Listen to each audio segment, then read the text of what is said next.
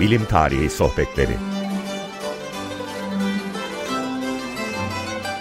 Hazırlayan ve sunan Derya Gürses Tarbak Herkese merhaba. Bugün bilim tarihi sohbetlerinde bir bilim felsefesi e, uzmanı konuğumuz. Hocamızın, e, Serpil hocamızın, Ser, Serpil Ahmet Kocaoğlu hocamız konu, konuğumuz. Hocamızla nedensellik üzerine bir e, konuşma yapacağız. Kendisini tanıtmak isterim önce. Serpil hocamız Muğla Sıtkı Koçman Üniversitesi felsefe bölümünde lisans eğitimini tamamlamıştır.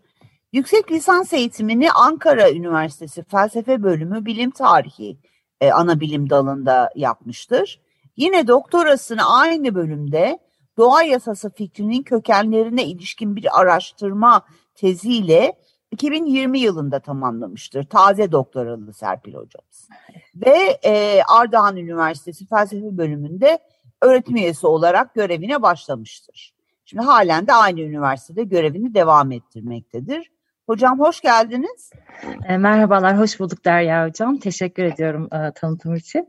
Rica ederim. Şimdi izninizle ilk soruma geçmek istiyorum. Hı hı. E, şimdi siz temelde tezinizde nedensellik üzerine çalışmışsınız. Evet. E, şimdi bu tema üzerinden kısa bir tanıtım yapabilir misiniz? Yani nedensellik fikrinin genel hani tezinizin esprisi nedensellik fikrinin bilim tarihindeki değişimi üzerine kurulu. Bu değişim nasıl bir değişim? Bize kısaca bahsedebilir misiniz lütfen? E, tabii hocam. Tabii söz konusu olan nedensellik olunca e, umarım e, kısaca bahsedebilirim.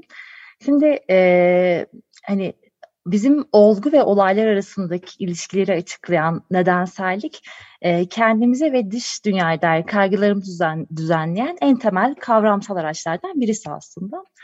E, bu bağlamda da hani e, belki e, çok e, genel bir tabiriyle 20. yüzyıl sonrasını e, kabul etmezsek eğer iki tür nedensellikten bahsedebiliriz. Bunlardan ilki empirik nedensellik, diğeri de metafizik nedensellik. E, empirik nedensellik işte her olay, süreç ya da oluşumun onu üreten koşullar tarafından belirlendiği ve bunlar oluşmadan sonucun ortaya çıkmayacağı görüşünü iddia ederken metafizik nedensellik de e, aktif bir töz ya da güç e, aslında hani nedenlerin kaynağıdır. İşte mesela Tanrı'nın tüm var olanların nedeni olduğu gibi. E, şimdi söz konusu olan hani bilim tarihinde nedensellik kavramı olduğu için e, dolayısıyla bir antik Yunan dönemine ve özellikle Aristotelesçi nedensellik anlayışına anlayışını açıklamadan e, belki nedensellik kavramının kendisini e, çok da iyi anlayamayız. Şimdi e, Aristoteles başta olmak üzere daha sonra Orta Çağ İslam ve Hristiyan düşünürleri doğada bir şekilde bir değişimin ve bu değişimin kendisinin sürekli ve düzenli olduğunu kabul etmekle birlikte değişimin nedenleri ve ilkeleri konusunda her biri farklı unsur belirlemiştir. Şimdi bu minvalde aslında Aristoteles'in temel problemi doğa dünyasında var olan hareket ve bu hareketin nedenlerini açıklamakta. E, çünkü ona göre hani doğada her türlü değişim içerisinde bulunan varlıkların nedensel ilkelerini ortaya çıkarttığımızda aslında biz bu ilkelerden yola çıkarak her bir nesne hakkında da e, hani bilgi sahibi oluruz. Dolayısıyla nesnelerin ya da var olanların nedenlerini bilmek aynı zamanda o nesneler ya da varlıklar hakkında bilgi edinmek anlamına geliyordu. Tabii böyle bir düşünceden hareketle Aristoteles tüm hareketin e, nedenini e, işte e, neden dört nedene indirgeyerek açıkladı ki e, o Aristoteles varlık dünyasında var olanları işte madde ve formun e, birleşiminde oluştuğunu öne sürerek bu madde ve formun karşılıklı ilişkilerinin tamamen böyle potansiyel bir e, konum arz ettiğini belirt, e, belirtmektedir. Fakat ee, hani Aristoteles değişimin kendisini salt madde ve e, formla da açıklamaz. Bu olgu ve olaylar arasındaki ilişkileri göstermek üzere madde ve forma bir de e, ereksel ve fail nedenleri de ekler. E, dolayısıyla Aristoteles'in varlık dünyasında tüm var olanlar potansiyel durumdan işte kendi etkinliklerini e, gerçekleştirmek üzere sürekli bir eylek içerisindedirler. Tabii hani bu sürecin kendisinin tamamına baktığımızda e, bu sürecin hiçbiri tesadüfi olmayıp işte varlıkların içinde bulunan bir takım işte hareket ilkeleri, işte bu cansız varlıklarda doğa, canlı varlıklarda nefs gibi tüm bu hareket ilkeleri aslında varlıkları bir ereğe yönlendirmekte. Ne demek istiyorum? Mesela bir e, tohumu düşünün. E, tohumun formu e, bitki olmaklıktır. Ve bitki olmaklık onun hem ereği aslında hem de hareket ettiricisidir.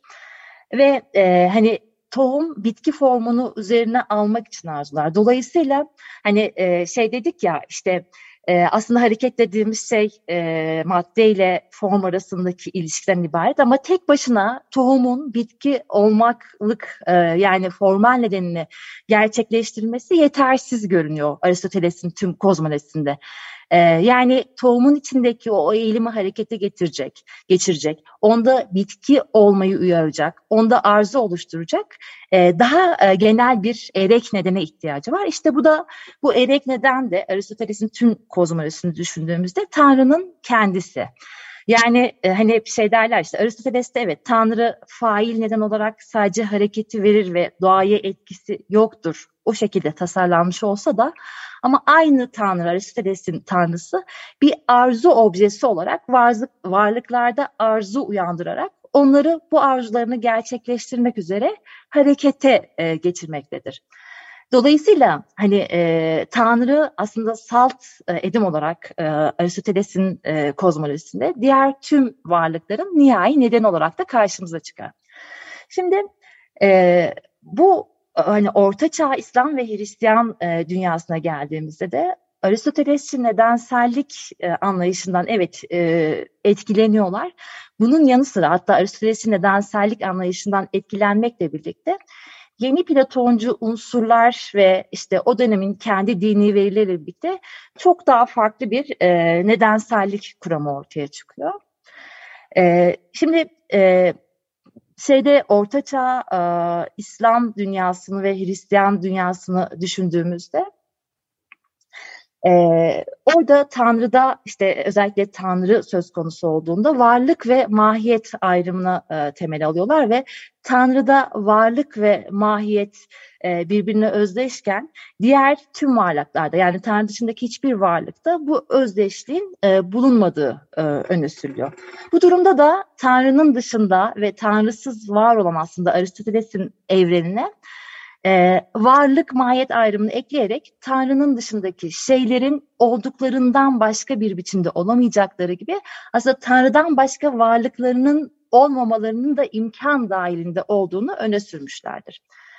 Şimdi böyle bir e, aslında radikal olumsal, olumsallık e, aynı zamanda yeni bir metafizik e, yenilik getiriyor ve işte hem Ortaçağ İslam dünyasında hem de Ortaçağ Hristiyan dünyasında varlık alanı ikiye ayrılıyor. İşte bir tarafta mutlak ve zorunlu e, varlık olan Tanrı, diğer tarafta da işte Tanrı dışındaki her şeyde mümkün varlıklar olarak e, ele alınıyor. E, ve burada da aslında hani Aristoteles'in hareket etmeyen, hareket ettirisi olan Tanrı'ya özellikle yaratma edimi yükleniyor. Aristoteles'in Tanrısından farklı olarak Ortaçağ İslam ve Hristiyan dünyasında. Bunu şöyle anlayabilir miyiz? Araya girip bir e, anlamak açısından sormak Tabii istiyorum hocam, size.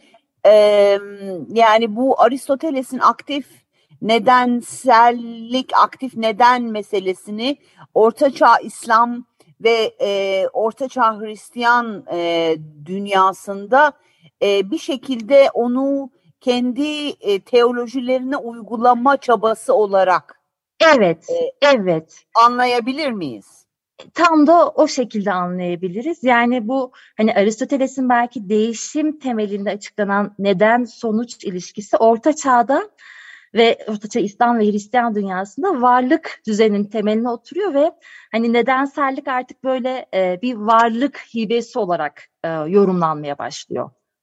Evet, ee, anladım. Şimdi E, ikinci soruma geçmek istiyorum eğer Tabii. mümkünse.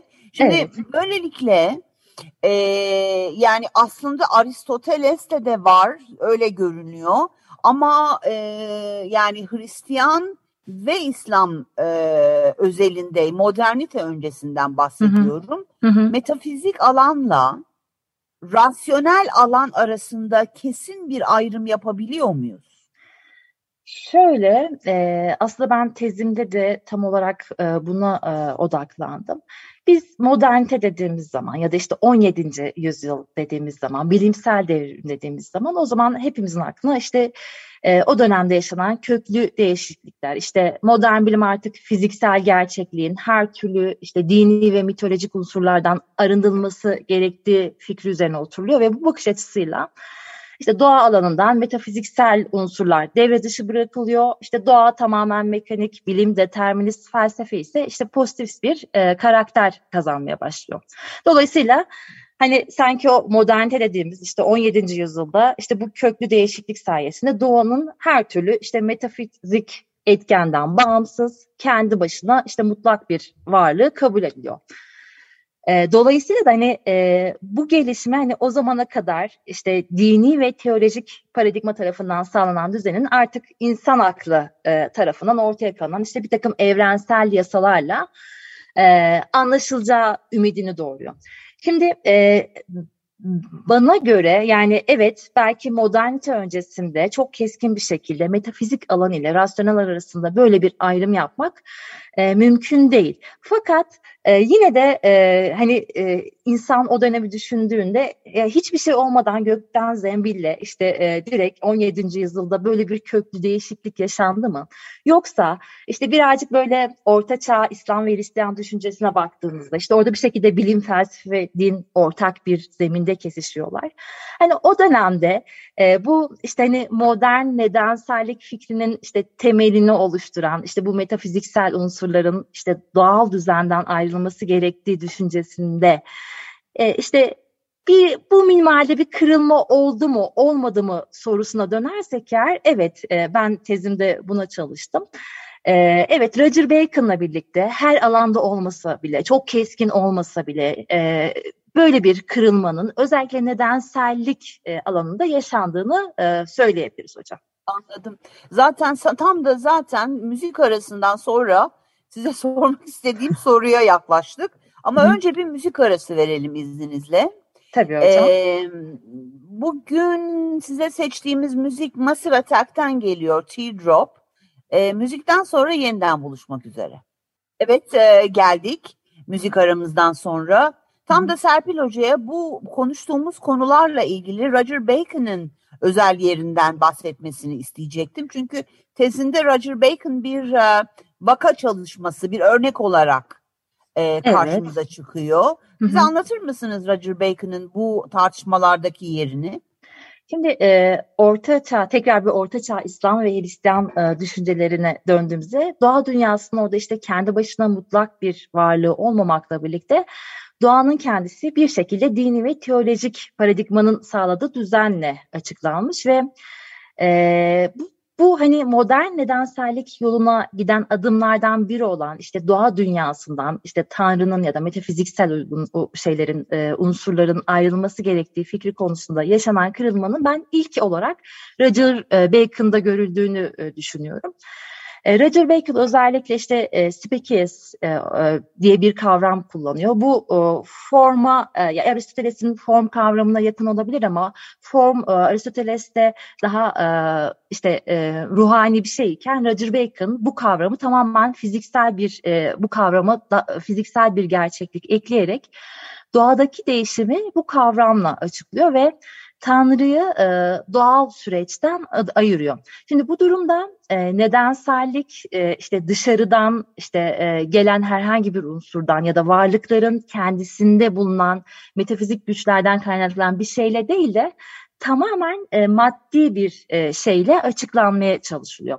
Şimdi böyle bir ayrım e, modern nedensellik fikrine götüren aslında adımlardan ilki gibi görünüyor. Çünkü Roger Bacon ee, hem Aristoteles'in işte ereksel nedenle hem de Ortaçağ İslam ve Hristiyan dünyasının hem ereksel neden hem de işte varlıkların varoluşlarının zemini olarak fiziksel gerçeklik dünyasına dahil ettiği tanrı düşüncesine aslında kendi sisteminde yer vermiyor. Ve doğadaki değişimi maddi ve fail nedenleri indirgiyor ve e, varlık dünyasından bir şekilde e, ereksel nedeni kaldırmış oluyor. Ve hani sonuç olarak işte ortaçağ İslam ve Hristiyan düşüncesinin benimsediği o işte doğanın din ve teolojik paradigma tarafından sağladığı düzen fikri Roger Bacon'da e, maddede bulunan fiziksel nedenlere bağlanmış görülmektedir. Anladım. E, hocam burada bir soru sorabilir miyim? Tabii hocam. E, şimdi Roger Bacon bu anlamda sizin bahsettiğiniz dönem için temsili e, bir örnek mi yoksa e, ne denir ona e, aykırı bir örnek mi? Yani baktığınız zaman Roger Bacon bu anlamda dönemsel tartışmaları tam anlamıyla temsil eden bir düşünce insanı mı? Yoksa e, gerçekten hani arayıp baktığımız zaman hani tekil örneklerden bir tanesi mi? Aslında e, tam olarak aykırı bir örnek diyebiliriz. Ee, Bacon işte özellikle hocası Robert Grosseteste'den e, etkileniyor. Fakat ondan tamamen bağımsız bir nedensellik fikri öne sürüyor. Özellikle işte bu spekiz kavramı ile ilgili. Bu spekiz kavramını başında da söylemiştim. Aristoteles'in formu gibi düşünebilirsiniz. Değişimin kaynağı olarak düşünebilirsiniz. Ee, ama e, mesela Grosses bu değişimin kaynağını ışık olarak ele alıyor ama buradaki ışık tamamen ruhani bir varlık. E, kesinlikle fiziksel bir temeli olmayan bir varlık. Bacon ise spekiz kavramını tam olarak fiziksel bir e, tabana oturtuyor. Bunun da ötesinde asıl böyle hani e, Bacon'da işte hem Bacon'ı kendisinden öncekilerden far, e, farklı yapan ve işte e, moderniteye, e, modern nedensellik fikrine yaklaştıran düşüncesi ise e, spekiz e, kavramında özellikle e, şu düşünceler e, çok önemli oluyor. Şimdi spekiz dediğimiz şey aslında hani e, şey gibi düşünebilirsiniz. Bir failin ilk etkisi olarak düşünebilirsiniz. Ve e, çok açık bir şekilde işte Bacon e, bu spekistlerin çoğalımı adlı bir eser yazıyor ve bu eserde e, çok açık ve net bir şekilde şunun üzerinde duruyor. Diyor ki bir fail diyor e, bir spekisi yoktan var edemez veya bir fail dışarıdan bir spekis alıp onu alıcı maddeye yerleştirerek etkide bulunamaz dediğim gibi en başından bir form gibi düşünün. Bu durumda aslında hani e, Bacon evet Tanrı'nın ancak hiçten bir şey yaratabileceğini söylüyor fakat o e, aslında bu şeyi söyleyerek Speckles'ın işte hiçbir şekilde failin dışarıdan bir Speckles'ı alıp onu alıcı maddeye yerleştiremez demesiyle birlikte aslında o İslam dünyasında o varlığın meşru zemini olan ve maddeye form vererek onun varoluşunu sağlayan görüşe karşı çıkıyor. Bu ilk e, şeyi. Diğer şey ise e, şimdi Orta Çağ İslam dünyasını düşündüğümüzde madde dediğimiz şey aslında tamamen pasif potansiyeldir ve onun e, işte bir aktüel hale geçebilmesi için onun dışarıdan işte ona bir form veren e, olması gerekir ki bu da işte yaratıcıdır ve tanrıdır. Şeyde ise Bacon ise doğal değişimi şey olarak değişti, e, öne sürüyor. İşte speki istiyor ancak diyor alıcı maddedeki aktif potansiyeli meydana getirerek oluşturulabilir ve benim diyor doğal değişim dediğim şey budur diyor. Yani hani Ortaçağ İslam ve Hristiyan dünyasından farklı olarak maddeye pasif bir potansiyellikten ziyade aktif bir aktif potansiyellik. Evet, evet, evet, evet. Bu da aslında tam da böyle işte Latin dünyasında belki maddi ve ruhani varlığın sanki ayrılmasını sağlayan ilk girişimlerden e, birisidir diyebiliriz hocam. Evet aktif madde tartışmaları gerçekten bilim tarihinde çok önemli. Yani bu evet. konuyla ilgili daha çok çalışılsa e, kesinlikle bizim coğrafyamızda. E, çünkü gerçekten çok e, önemli soruların e, modellemesi olarak karşımıza geliyor. Ben de ilgileniyorum bu konuyla ama geç dönemde 17-18'de. Serpil hı hı. Hocam e, gerçekten son derece kapsamlı bir tezi çok kısa sürede bize e, yaptığınız tezi e, anlattınız. Çok teşekkür ediyorum katıldığınız için bize. Ben teşekkür ee, ederim hocam davet ettiğiniz için. Hem Açık Radyo çalışanlara hem Açık Radyo dinleyicilerine hem de size ayrı ayrı teşekkürlerimi sunuyorum. Çok teşekkürler. Herkese Görüşürüz. iyi bir gün diliyoruz.